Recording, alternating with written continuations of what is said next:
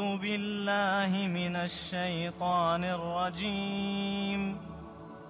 بسم الله الرحمن الرحيم. تعرفت على الإسلام للمرة الأولى في منتصف الأربعينيات من القرن الميلادي الماضي ولسبب ما أراد صديق عزيز أن أقرأ القرآن الكريم ولم أرد أن أكون جاهلا به ولهذا حاولت الحصول على ترجمة سويدية. ونجحت في الوصول إلى نسخة مترجمة قبل صديقي وبدأت أقرأها.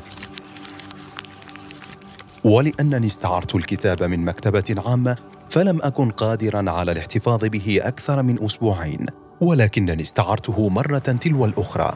وكلما قرأت في الكتاب اقتنعت أكثر بأن هذا هو الحق. اسمي محمد جونار إريكسون محمد جونار إريكسون قررت أن أكون مسلما ذات يوم من نوفمبر عام 1950 للميلاد في ستوكهولم بالسويد. ولكن إعلان إسلامي الحقيقي كان في مكان آخر. وهذه قصتي أحكيها لكم في بودكاست أروان. في بودكاست أروان من أصول. من أصول.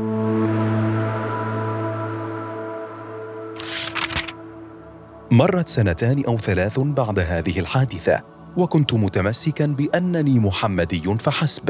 لم أحاول أن أبحث أكثر في الإسلام إلى أن جاء يوم زرت فيه المكتبة الرئيسة في ستوكهولم.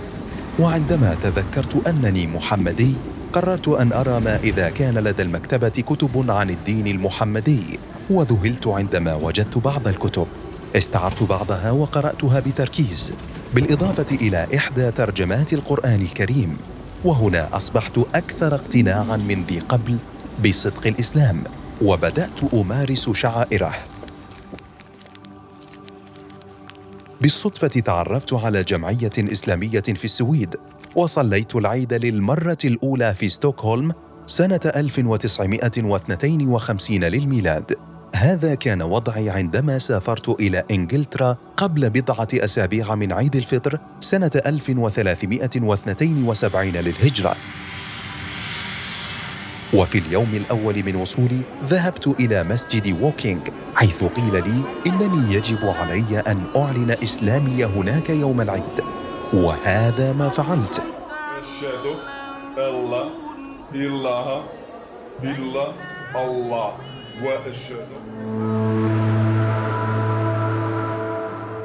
كان أكثر شيء جذبني نحو الإسلام ولا يزال يجذبني هو عقلانيته فكل ما جاء به الإسلام يتسق مع عقلك ولا يصادمه. فالقرآن الكريم يعطينا أدلة على وجود الله تكفي المرء تماما وهناك شيء آخر جذبني نحو الإسلام هو عالميته. لا يتحدث القرآن عن الله سبحانه وتعالى بوصفه ربا للعرب أو أي قوم مخصوصين بل حتى لا يسميه رب العالم وإنما رب العالمين. في حين تذكر كتب الوحي السابقة أنه رب إسرائيل إلى آخر ذلك. وبجانب ذلك فإننا مأمورون بأن نؤمن بكل الرسل سواء أذكروا في القرآن أو لم يذكروا.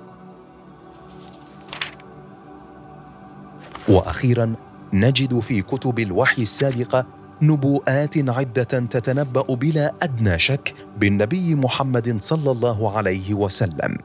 ويقول الله في القرآن اليوم أكملت لكم دينكم وأتممت عليكم نعمتي ورضيت لكم الإسلام دينا.